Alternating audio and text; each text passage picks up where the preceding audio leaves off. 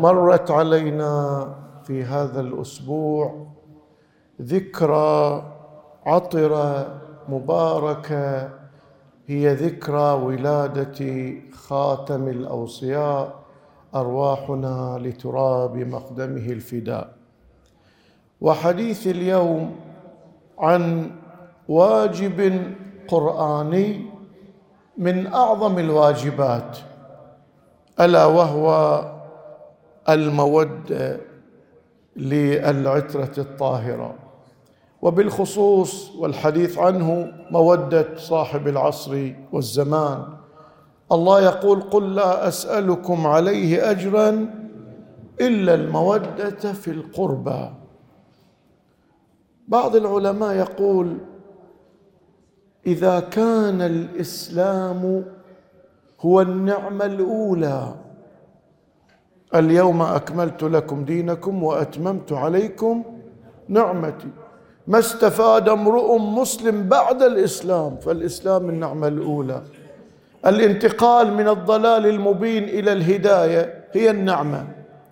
هذه النعمة هي كانت بجهود رسول الله صلى الله عليه وآله.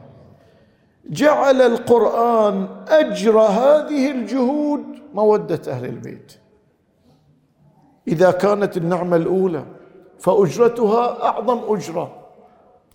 فإذا كان الإنسان مطالب بها الأجرة فهي أعظم واجب. فمودة أهل البيت أعظم واجب. كلامي عن خصوص مودة صاحب العصر والزمان هذه المودة تكتسب عناية إضافية لنا بسببين. السبب الأول أنه إمام زماننا. صراطنا إلى الله. الماسك بقلوب الناس اخذا بها إلى الله. من أراد الله بدأ بكم. نحن طريقنا إلى الله. إمام زماننا. يوم ندعو كل أناس بإمامهم. فهذا الأمر الأول. الأمر الثاني حينما نستعرض حب الله وحب الأولياء المعصومين للإمام نعرف أننا مقصرون في محبته. أبدأ ببعض النصوص. الرواية الأولى نريد أن نتعرف على حب الله وحب رسوله صلى الله عليه وآله لهذا الإمام. في ليلة المعراج لما رأى النبي أنوار أهل البيت فقلت يا رب النبي يسأل ربه ومن هؤلاء؟ قال هؤلاء الأئمة وهذا القائم.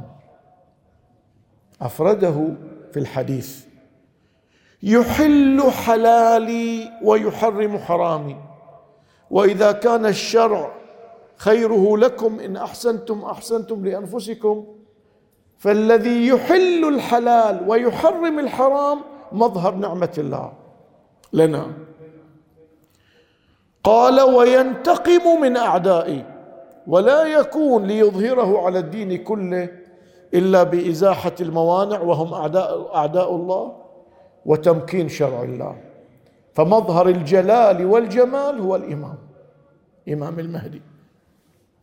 ثم قال الله تبارك وتعالى يا محمد صلى الله عليه وآله أحبه فإني أحبه وأحب من يحبه. اذا هذا أمر إلهي للنبي والنبي أسوة وقدوة لنا فنحن نحبه لحب الله. إنجيل الإمام علي مع المهدي. ذكر صفاته الحميدة إلى أن قال الإمام علي في الرواية اللهم فاجعل بيعته خروجا من الغمة. واجمع به شمل الأمة إلى أن يقول علي بن أبي طالب شوقا إلى رؤيته. علي يبدي تشوقه لرؤية هذا الولد المبارك.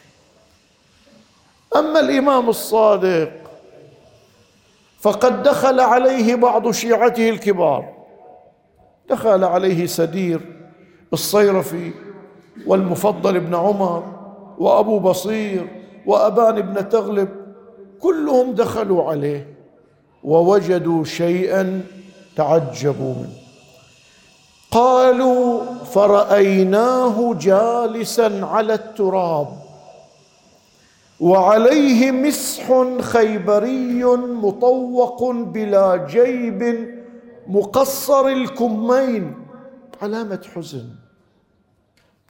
وهو يبكي بكاء الواله الثكلى ذات الكبد الحراء قد نال الحزن من وجنته وشاع التغير في عارضيه وأبلى الدموع محجريه وهو يقول سيدي تعبير الإمام عن إمامنا المهدي سيدي غيبتك نفت رقادي وضيقت علي مهادي وأسرت مني راحة فؤادي. سيدي غيبتك أوصلت مصابي بفجائع الأبد وفقد الواحد بعد الواحد يفني الجمع والعدد. وأخذ يعدد ما يظهر مشاعر الإمام الجياشه تجاه الإمام المهدي. رواية طويلة. اقتطعت من هذا الجزء. انجي لمولانا الرضا عليه السلام. لما قام دعب الخزاعي ينشد تائيته أمام الرضا وصل إلى هذه الأبيات مدارس آيات خلت من تلاوة يذكرهم بمصائبهم إلى أن يقول خروج إمام لا محالة خارج. يقوم على اسم الله والبركات يميز فينا كل حق وباطل. ويجزي على النعماء والنقمات. تقول الرواية فبكى الرضا بكاء شديدا ثم رفع رأسه إلى دعبل وقال يا خزاعي نطق روح القدس على لسانك بهذين البيتين. قصيدة كلها جميلة كلها تحمل مضامين أعجبت الإمام. لكن خصوص هذين البيتين المرتبطين بالإمام أبكي الإمام الرضا بكاء شديدا. هذه مشاعر الأئمة. انجي لمولانا الجواد عن الصقر بن أبي دلف. سمعت أبا جعفر محمد بن علي الرضا يقول إن الإمام بعدي ابني علي. الهادي يعني. أمره أمري وقوله قولي وطاعته طاعتي. والإمام بعده ابنه الحسن. عسكري. أمره أمر أبيه وقوله قول أبيه وطاعته طاعة أبيه. ثم سكت. جاء دور الإمام الميمون. فقلت له يا ابن رسول الله فمن الإمام بعد الحسن؟ فبكى أي الجواد بكاء شديدا ثم قال إن من بعد الحسن ابنه القائم بالحق المنتظر. هذا ذكرى يحرك مشاعر الأئمة.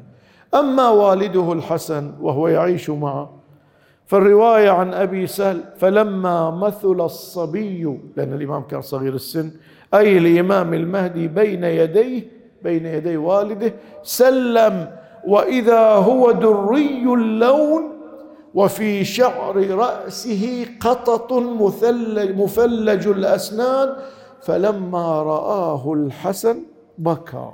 هذه مشاعر الأئمة. هذا شعورهم.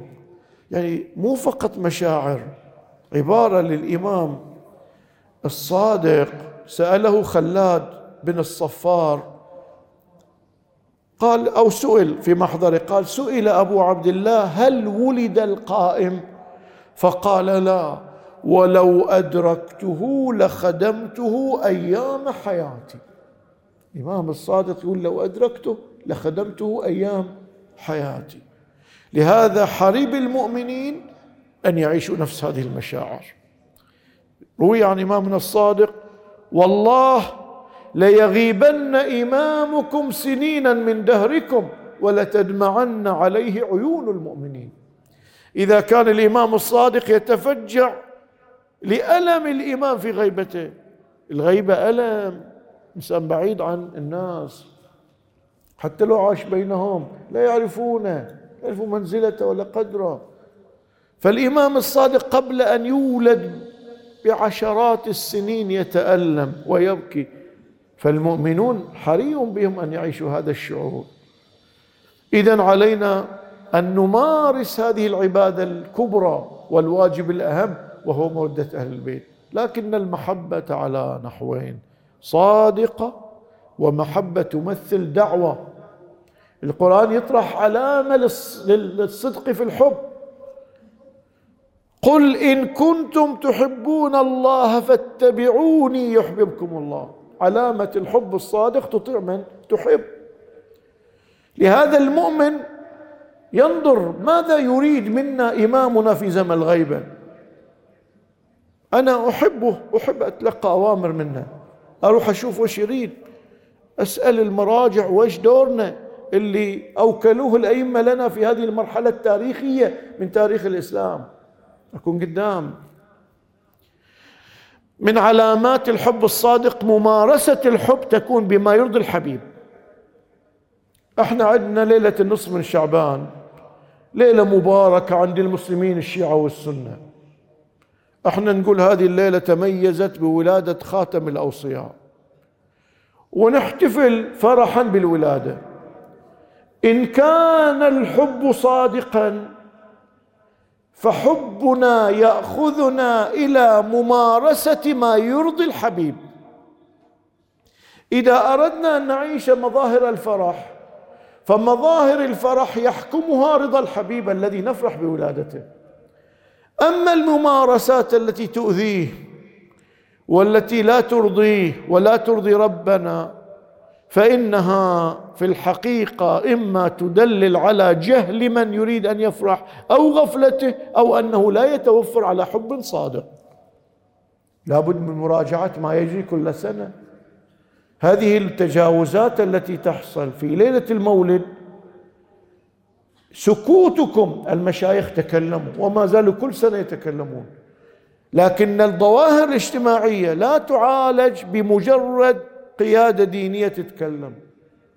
القيادة رأي ولا رأي لمن لا يطاع وبالتالي مطلوب من كل الشيعة أن تستشعر الخطورة الشعيرة مقربة لله.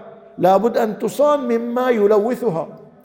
وإذا ظهرت فيها أمور تلوثها المطلوب أن نهب جميعا وأن نقاوم ونرفض أي تجاوز. بالتي هي أحسن. أنا ما أريد تصادم. الإسلام يقول عالج بالتي هي أحسن جادلهم بالتي هي أحسن.